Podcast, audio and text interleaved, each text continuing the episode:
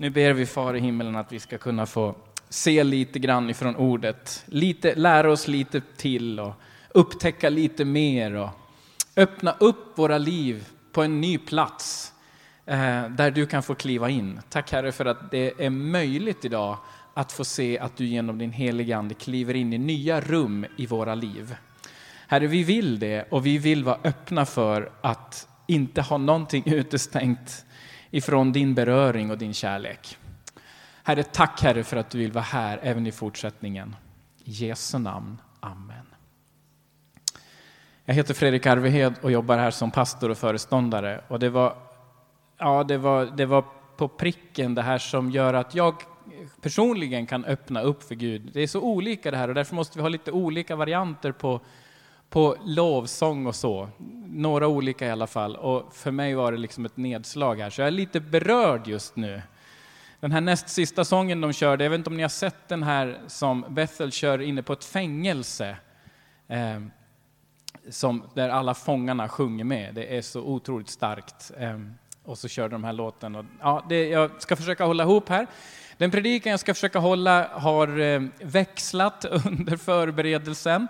Det började med att jag skulle hålla, hålla mig till det temat som är just nu i vår församling. Vi pratar just om den heliga Ande tre söndagar på raken och så har vi i lärjungaskolan en liksom fördjupning. Och den här gången kom vi fram till detta med frukterna i den helige Ande. Och jag ska läsa den bibeltexten, men sen får jag väl citera någon predikant jag hörde när jag var liten inom Pingstkyrka. En tematisk predikan i, en, i vår kyrka, det är att pastorn börjar ett bibelord för att sen aldrig återkomma. Men vi börjar där. Galaterbrevet 5 och 22 så står det så här. Andens frukt är kärlek, glädje, frid, tålamod, vänlighet, godhet, trofasthet, mildhet och självbehärskning. Lagen är inte mot sådant. De som tillhör Kristus Jesus har korsfäst sitt gamla jag med alla dess begär och onda lustar. Om vi lever i anden ska vi också låta anden leda oss. Och det var en person i min förberedelse som fastnade som jag kommer att, att, gå in och försöka bara återskapa det du redan vet om den här personen. Och jag tror att den här personen också är en förebild på ditt liv idag.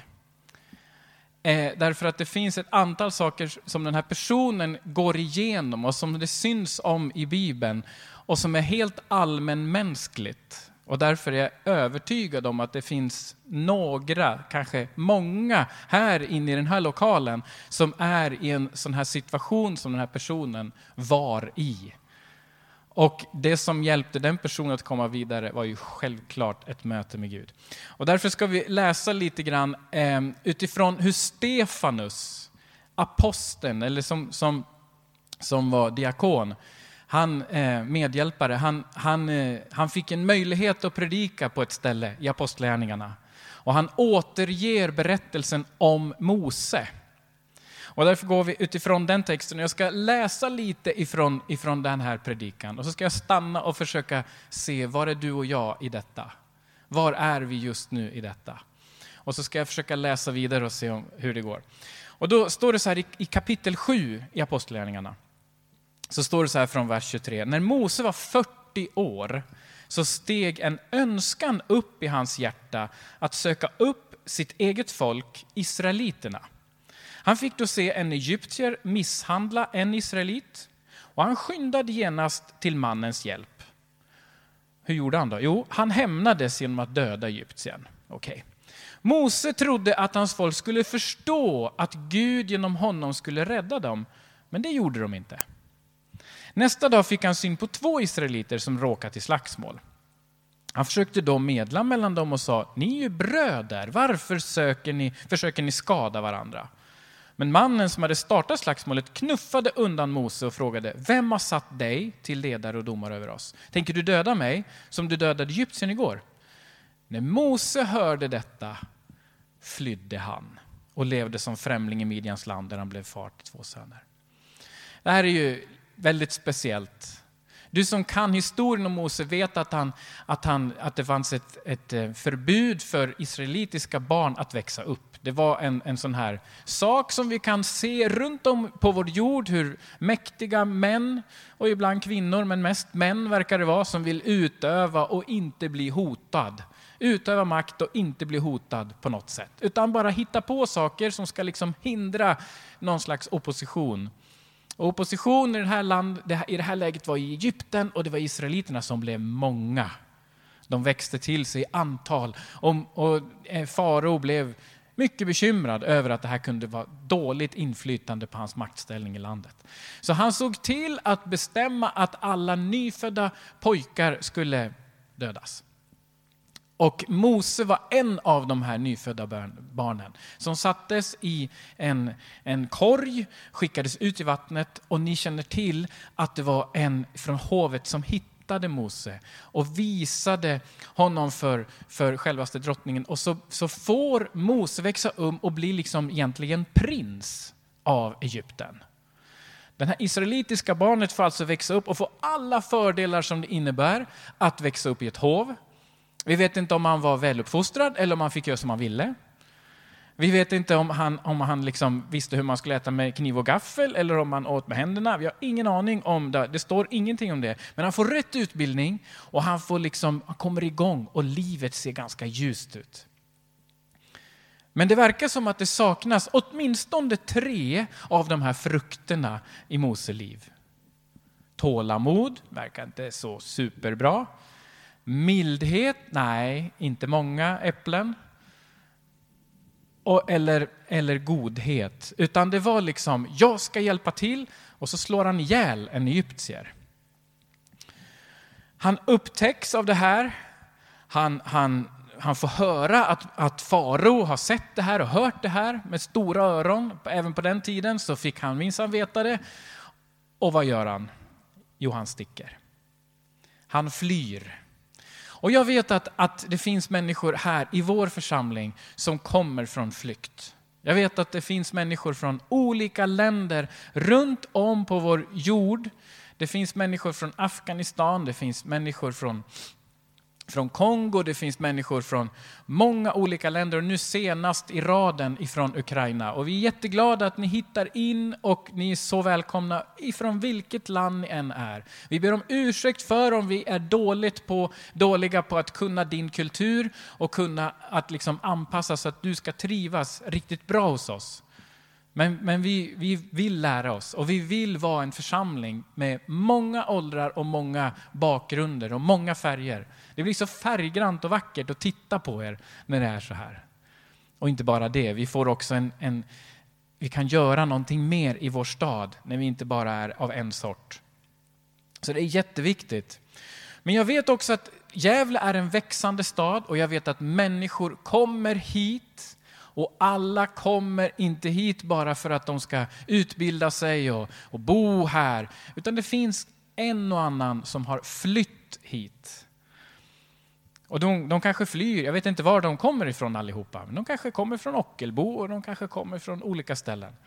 Och, och jag, jag, har inte med det att göra, men, men du kanske har flytt hit. Du kanske har flytt hit och tänkt, jag kan inte, jag kan inte nog vänta på den dagen jag får åka hemifrån. Du kanske har haft en bakgrund på en plats du inte trivts på. Och du har bara längtat efter att få växa upp tillräckligt mycket för att liksom skaffa en annan adress. Och du, du kan ha liksom kommit hit till Gävle och, och du, det, det, allt du vill veta är att liksom bara glömma bort din bakgrund. Det behöver inte vara att, att det var tråkigt på din hemort. Det kan ha varit en besvärlig familjesituation. Det kan ha varit en massa olika bakgrunder som gör att du liksom är på flykt. Du är här i Gävle, men du är faktiskt på flykt. Och jag vet inte om du har märkt det, men att hur mycket du än flyr så är det svårt att fly från sig själv. Man är liksom där man är. Det, det, det är som att hur mycket man fysiskt flyttar kroppen så är det som är i kroppen kvar. Och, och, hur mycket du än eh, byter adress så är det samma människa som bor på den nya adressen.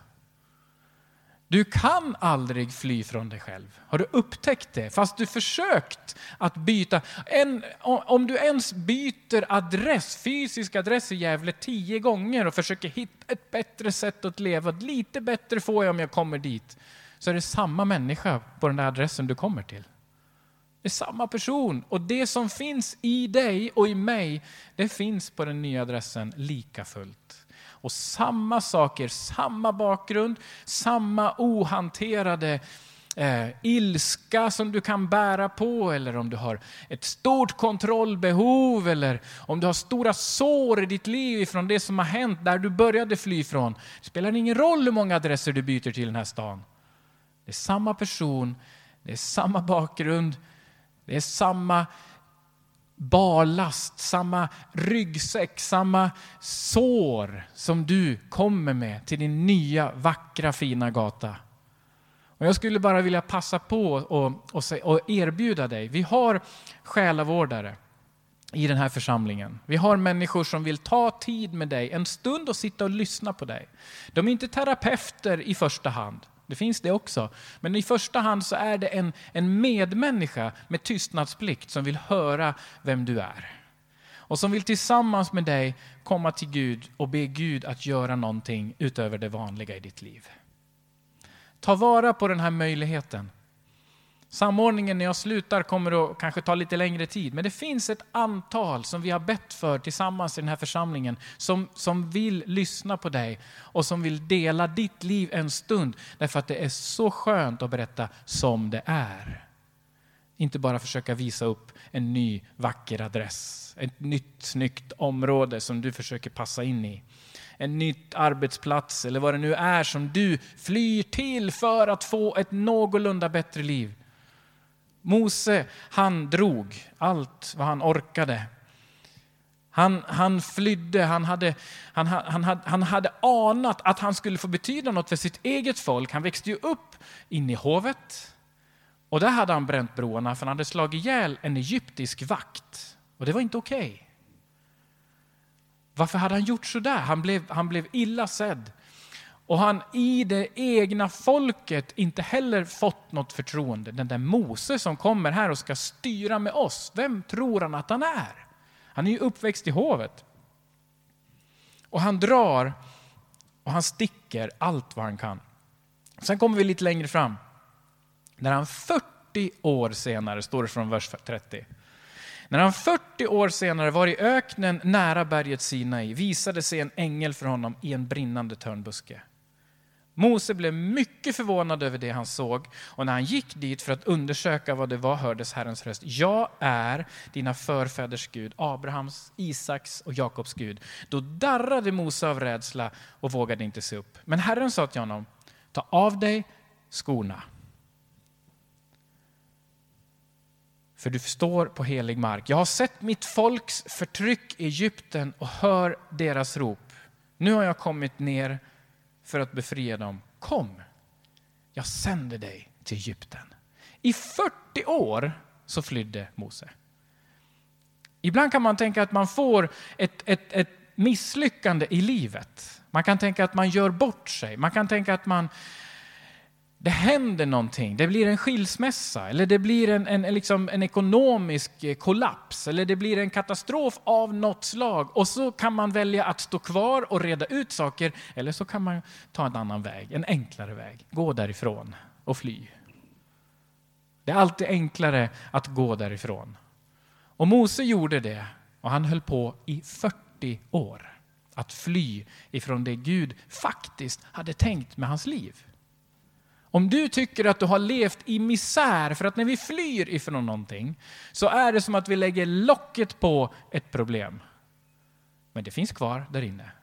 Spelar ingen roll vilken adress du är på, det finns kvar där inne. Du bara lägger locket på och om du tycker att du har levt, när, när, när det blir någonting innanför locket så finns det ett skav i ditt liv som ligger och påminner dig om någonting som borde redas ut, någonting som borde komma i land, någonting som borde försonas med, någonting som borde komma fram så att det blev, så blev av med det där någon gång.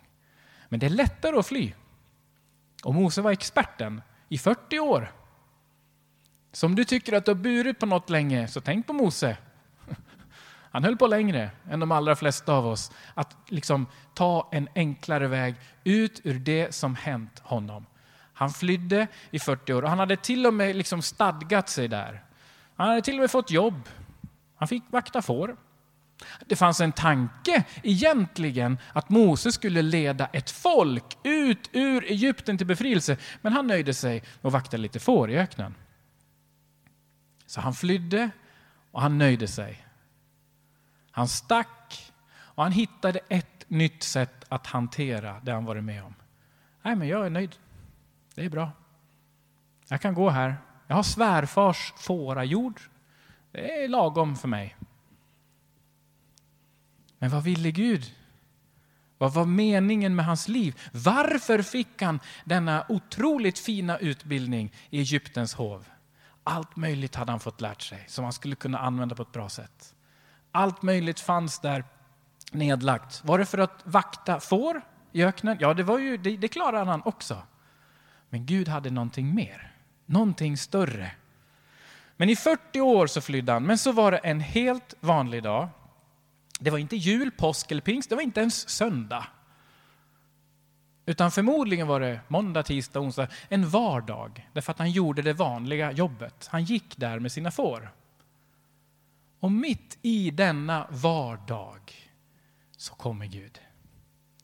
Så kommer Gud och visar sig för honom i formen av en brinnande buske. Det är en buske som börjar brinna och inte brinner upp. Och Moses har förmodligen gått där flera gånger förut. Vi vet inte, det står ingenting om det. Men det är öknen och det är där han håller till med sina får. Så han har säkert varit på många ställen. Han har ju hållit på med den här flykten i 40 år, så några ställen har han sett där ute. Och så går han där och mitt i vardagen så kommer Gud och visar sig för honom.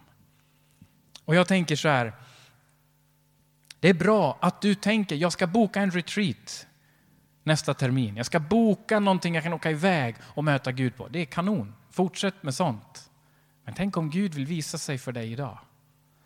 Det är bra att du tänker jag ska ta lite extra tid med Gud näst, näst, nästa helg, en stund extra och behöver det. det. Det är klokt, smart, gör det. Gud vill visa någonting för dig. Men i din vardag, tänk om Gud den här veckan som kommer framför oss kan få göra någonting alldeles extra och tala någonting in i ditt liv som du egentligen behöver höra. Någonting om din framtid och din situation. Så jag vill bara uppmuntra dig, var du än är. Om du märker att nu i min vardag, nu, nu talar Gud här. Nu finns det någonting som Gud gör som jag inte har räknat med. Men det är någonting som... Så vill jag att du du avbokar nästa möte. Hoppar över nästa telefon till, telefonsamtal till en ny kund. Tar en extra kort rast och går ut från butiken du jobbar på, eller var du än är. Därför att mitt i din vardag, din och min vardag, så är jag övertygad om att Gud vill tala till oss. Det handlar inte om att du måste leta på en kyrka eller avsätta en tid för att det ska vara helig mark. För Mose så blev det helig mark mitt i den snustorra öknen. Mitt bland sanden, mitt bland fåren han hade runt sig som bräkte och blåsten som ven. Mitt i det vardagligaste vardagliga så, så kommer Gud och säger ta av dig skorna. För marken du står på är helig. Din arbetsplats kan få vara helig mark under de kommande dagarna. Det kan få bli en plats där du faktiskt möter Gud. Det innebär inte att du måste ställa in hela dagen, men ta lite tid för den heligaste att tala in i ditt liv och få peka på några saker som är viktiga i din relation med honom. Och här kunde inte Mose låta bli, men han blev förvånad. Betyder det att han hade gått nära Gud varje dag? Kanske inte. För han blev riktigt förvånad. Var du än är i din relation med Gud, även om det är någon slags distans till Gud, så kan Gud komma och visa sig för dig. Och det, han bjuder gärna på att förvåna dig. Han bjuder på det. I sin nåd och i sin kärlek så vill han bjuda på att du ska kunna få se honom och höra honom. Mose blev förvånad. Gud sa, ta av dig skorna för det är helig mark. Så lyssna, stanna, ta in de närmaste dagarna, kanske redan idag. I psalm 34 och 9 står det smaka och se hur god Herren är. Lycklig är den människa som tar sin tillflykt till honom. Väldigt ofta vill vi, så vill Gud när han kommer till oss visa sin passion för dina medmänniskor. Och det gör han med Mose också.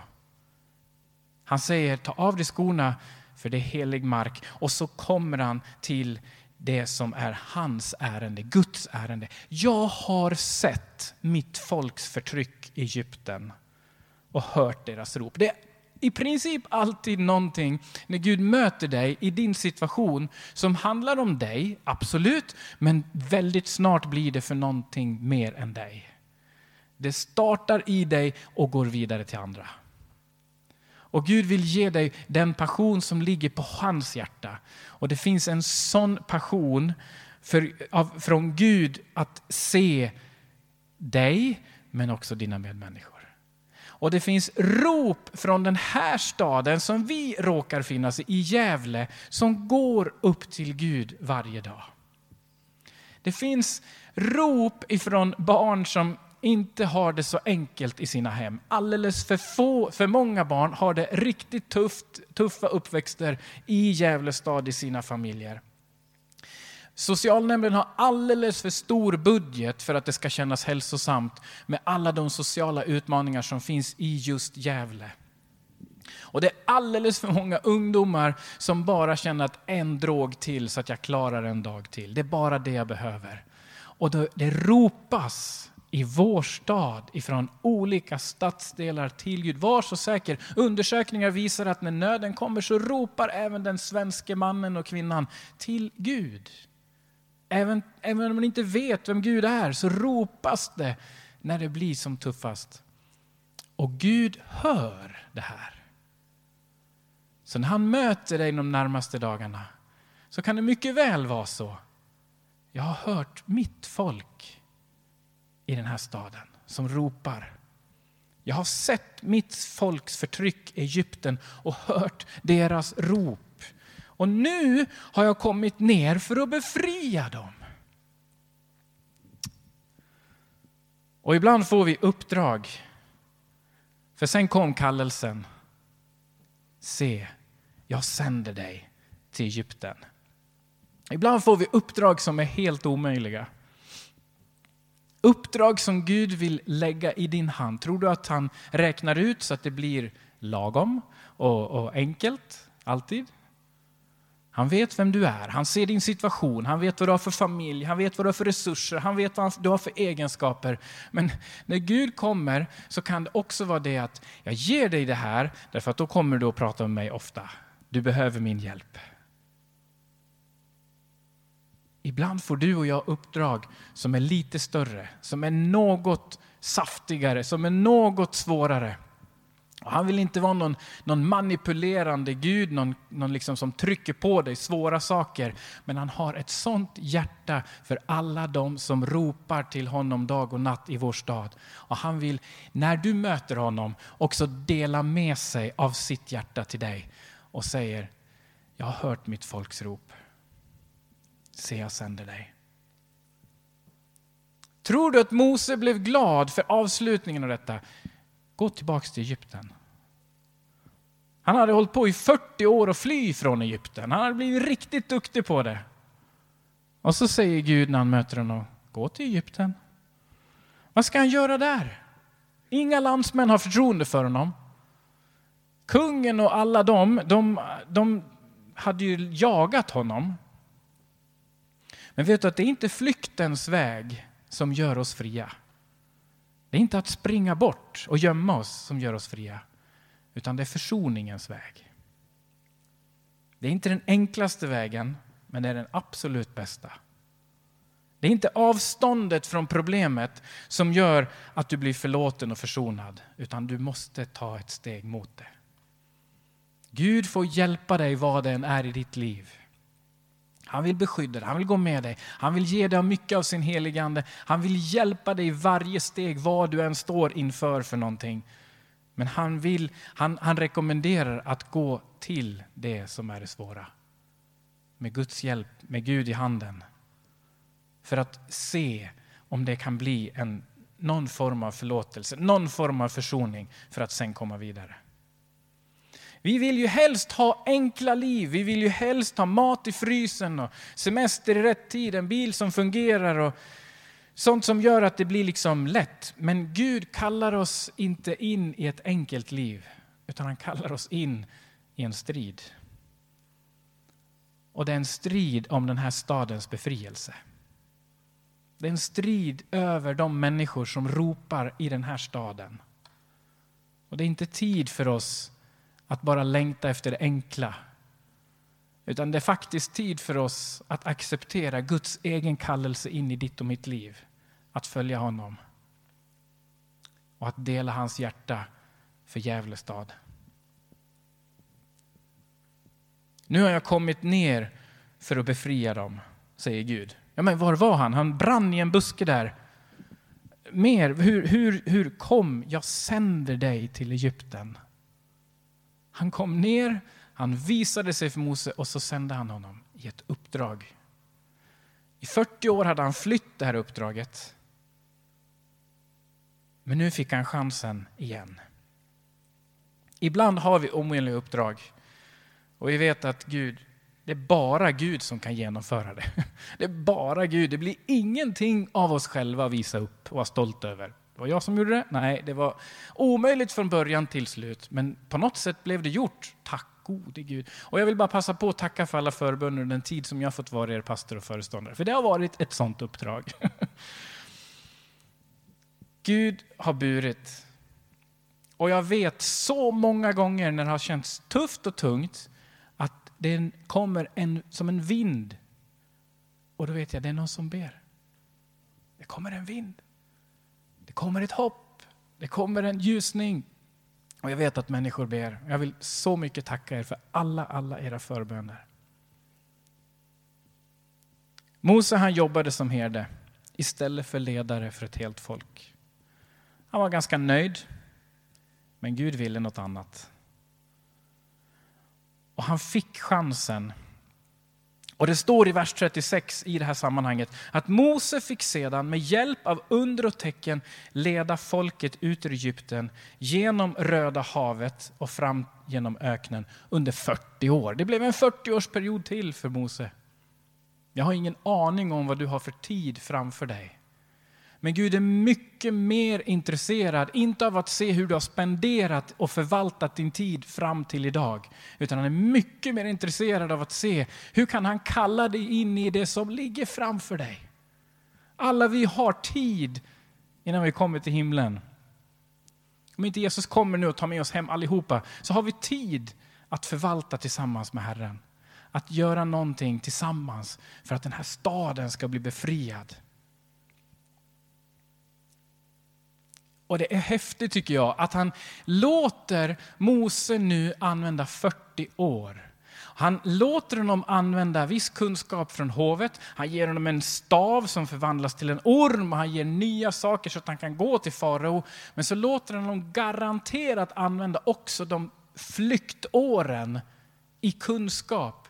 Hur leder man ett folk genom öknen? Jag har ju gått här i 40 år och lett lite får. Det är klart att Gud använder allt det du har varit med om. Gud är en god Gud. Han vet vad du har flytt ifrån, men även dina år av flykt kan Gud använda i de år som ligger framför.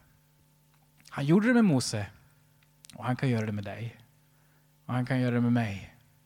Vilka uppdrag det än blir. Först 40 år av uppväxt och framtidshistoria, sen 40 år av flykt och försöka sitta, hitta ett sätt att leva och sen 40 år att leda en nation. Var det enkelt? Var uppdraget lätt? Nej. Men Gud kallade och Mose gick. Tänk att du kan få leda människor genom de platser i öknen där du har varit. Därför att nu vet du var fåren kan få var det finns näring. Det finns även i öknen bra platser att vara på. När du får chansen att leda andra genom den plats där du varit, fast nu är du fri, så vet du att den där bergskrevan ska inte leda folket igenom. Där är det farligt. Här borta tar det lång tid till nästa ställe där det finns vatten. Det måste finnas annat plats. Gud vill använda allt som du har gått igenom. Det är inte förgäves, det är inte en svart period bara i ditt liv, utan det kan få vara en period i ditt liv som blir försonad i ditt huvud. Du kan komma till punkt med det som varit tungt och så kan Gud använda det här så att du kan få vara med och se att människor befrias. Amen. Den här stan behöver dig och mig och jag tror att den här församlingen fortfarande har ett stort uppdrag. Och jag tänker att vi har lite olika uppdrag i det vi kan få göra för den här staden, du och jag. Men jag ber att du ska komma in i din kallelse och kanske är det just idag som du får en större aning om vad det är. Men först behöver du sluta fly min vän. Du behöver sluta koncentrera dig på att byta gatuadress för att få ett bättre liv. Du behöver sluta jaga det jobb som ska ge dig meningsfullhet och bara få stanna till och låta Gud tala till dig.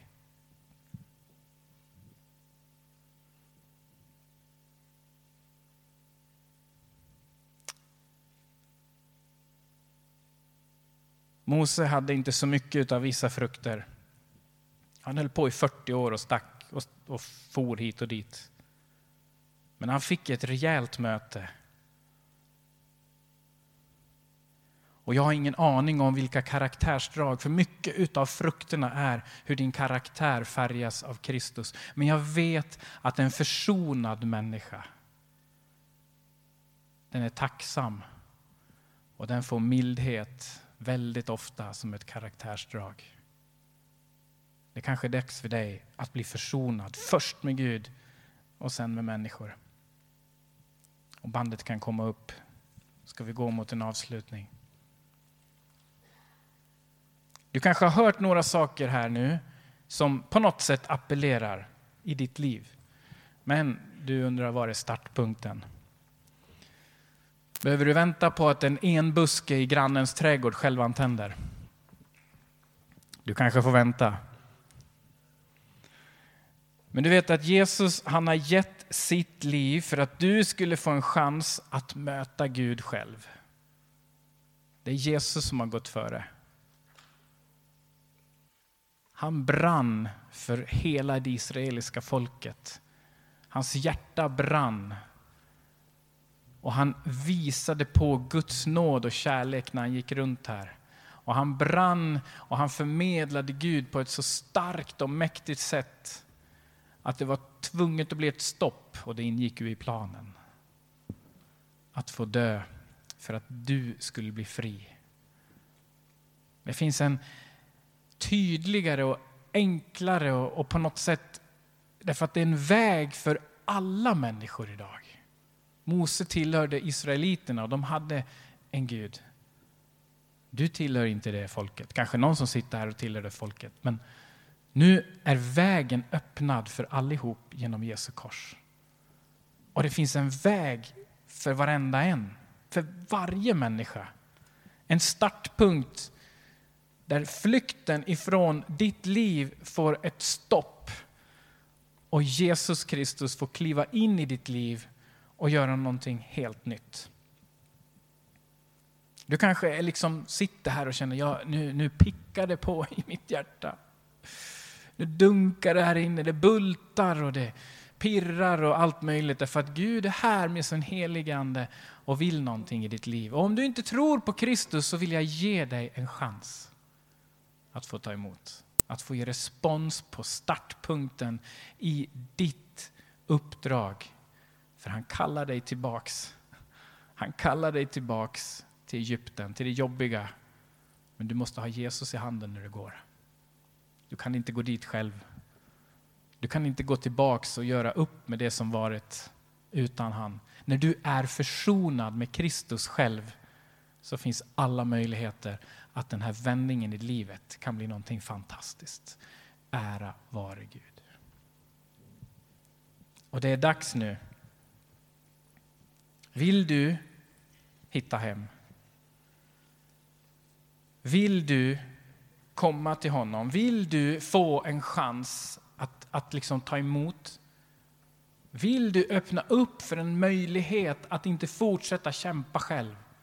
Vill du ge upp det du har kämpat så hårt med och ta hjälp ifrån den högste, konungars konung och herrarnas herre? Vill du acceptera att han tog på sig ditt liv när han dog? Jag kommer att bjuda in till tre olika, två olika, två olika saker. Det första nu, och nu vill jag att alla blundar en liten stund. För att det här är viktigt, att få vara chansen att få ge en respons. Att i en enkel hall bara få vara med och tacka Gud och, och ta emot när han ropar på dig. Och just nu ropar han ditt namn. Så om du finns med här och tänker, okej, okay, jag har provat mycket. Jag vill prova Jesus på riktigt. Inte bara som en liten kick eller någon bra låt eller någon känsloströmning, utan ett livsval. Att säga ja till Kristus Jesus, att han får komma in och ge dig försoning så att det bär hela vägen till pappa Gud. Så att det får bli en relation som är upprättad på riktigt. Om du finns med här så vill jag så gärna få vara med och be för dig. Vi blundar allihopa. Och om du finns med här och säger, ja men ja, okej, okay, jag fattar inte allt, men jag vill ha Jesus. Så kan du vara med här och bara räcka din hand nu, en liten stund så ska jag be för dig. Jag ska inte ta fram dig, jag ska inte, jag ska inte manipulera med dig, jag ska inte göra någonting, jag ska bara be en enkel bön för dig. Jag ser din hand, Gud välsigne dig. Jag ser din hand också, Gud välsigne dig. Jag ser din hand, Gud välsigne dig. Det är flera som räcker sin hand och som vill säga ja till Jesus. Är det någon mer här nu innan jag ber som vill vara med i det? Du gör precis som du vill, men du har en chans. Herre, jag vill bara, jag ser din hand, Gud välsigne dig. Herre, det är flera här nu, Herre, som har rakt sin hand. Tack Jesus att du vill göra liksom rent hus på det sätt som bara du kan. Tack Jesus för att du nu vill flytta in i de som öppnar upp sina hjärtan. Som vill ha någonting annat än det de själv kan räkna ut. Tack Jesus för att du har dött för var och en som räckt sina händer. Och jag ber dig Herre att du ska komma till var och en som räckt sina händer på precis det sätt som du är så suverän på. För du är personlig, du är individuell och du är kärleksfull och god. Tack Herre för att du nu kommer och berör och lyfter av stora stenar Herre. Och du byter ut ett hjärta av sten mot ett hjärta av kött. Tack Herre för att du skapar nytt just nu. Tack Jesus för att du är här och gör nytt, helt nytt. Amen. Så vill jag bara, innan vi går in i lovsången, erbjuda dig förbön. Vi kommer att stå några stycken här borta och be. Och jag skulle så gärna också vilja stå där och få be för dig som bär på en kallelse. Du har upplevt kallelsen i ditt liv medan jag predikar. Du har upplevt att det brinner här inne. Du vet kanske inte exakt vad det är, men jag skulle så gärna vilja få be för dig, att du kommer in steg för steg i det Gud har tänkt. Och det finns ingen väg tillbaka när vi har öppnat på den här dörren. Det finns inget annat som är värt något än att få följa Gud. Och oavsett vad ditt Egypten är, så vill Kristus hålla dig i handen och följa med dig. Vi kommer att ha förbön, vi kommer att ha ljuständning för den som vill, vi kommer att ha bönelappar. Om du skriver och håller lappen öppen så läser vi upp den i slutet av gudstjänsten och ber. Om du stänger lappen, viker lappen, så kommer vi inte att läsa upp den, men vi ber för, lapp, för, för, ändå för det som vi inte läser. Vi går in en stund och sjunger och ärar Gud och vill ha förbön, så passa på. Gud kan göra vad som helst. Amen.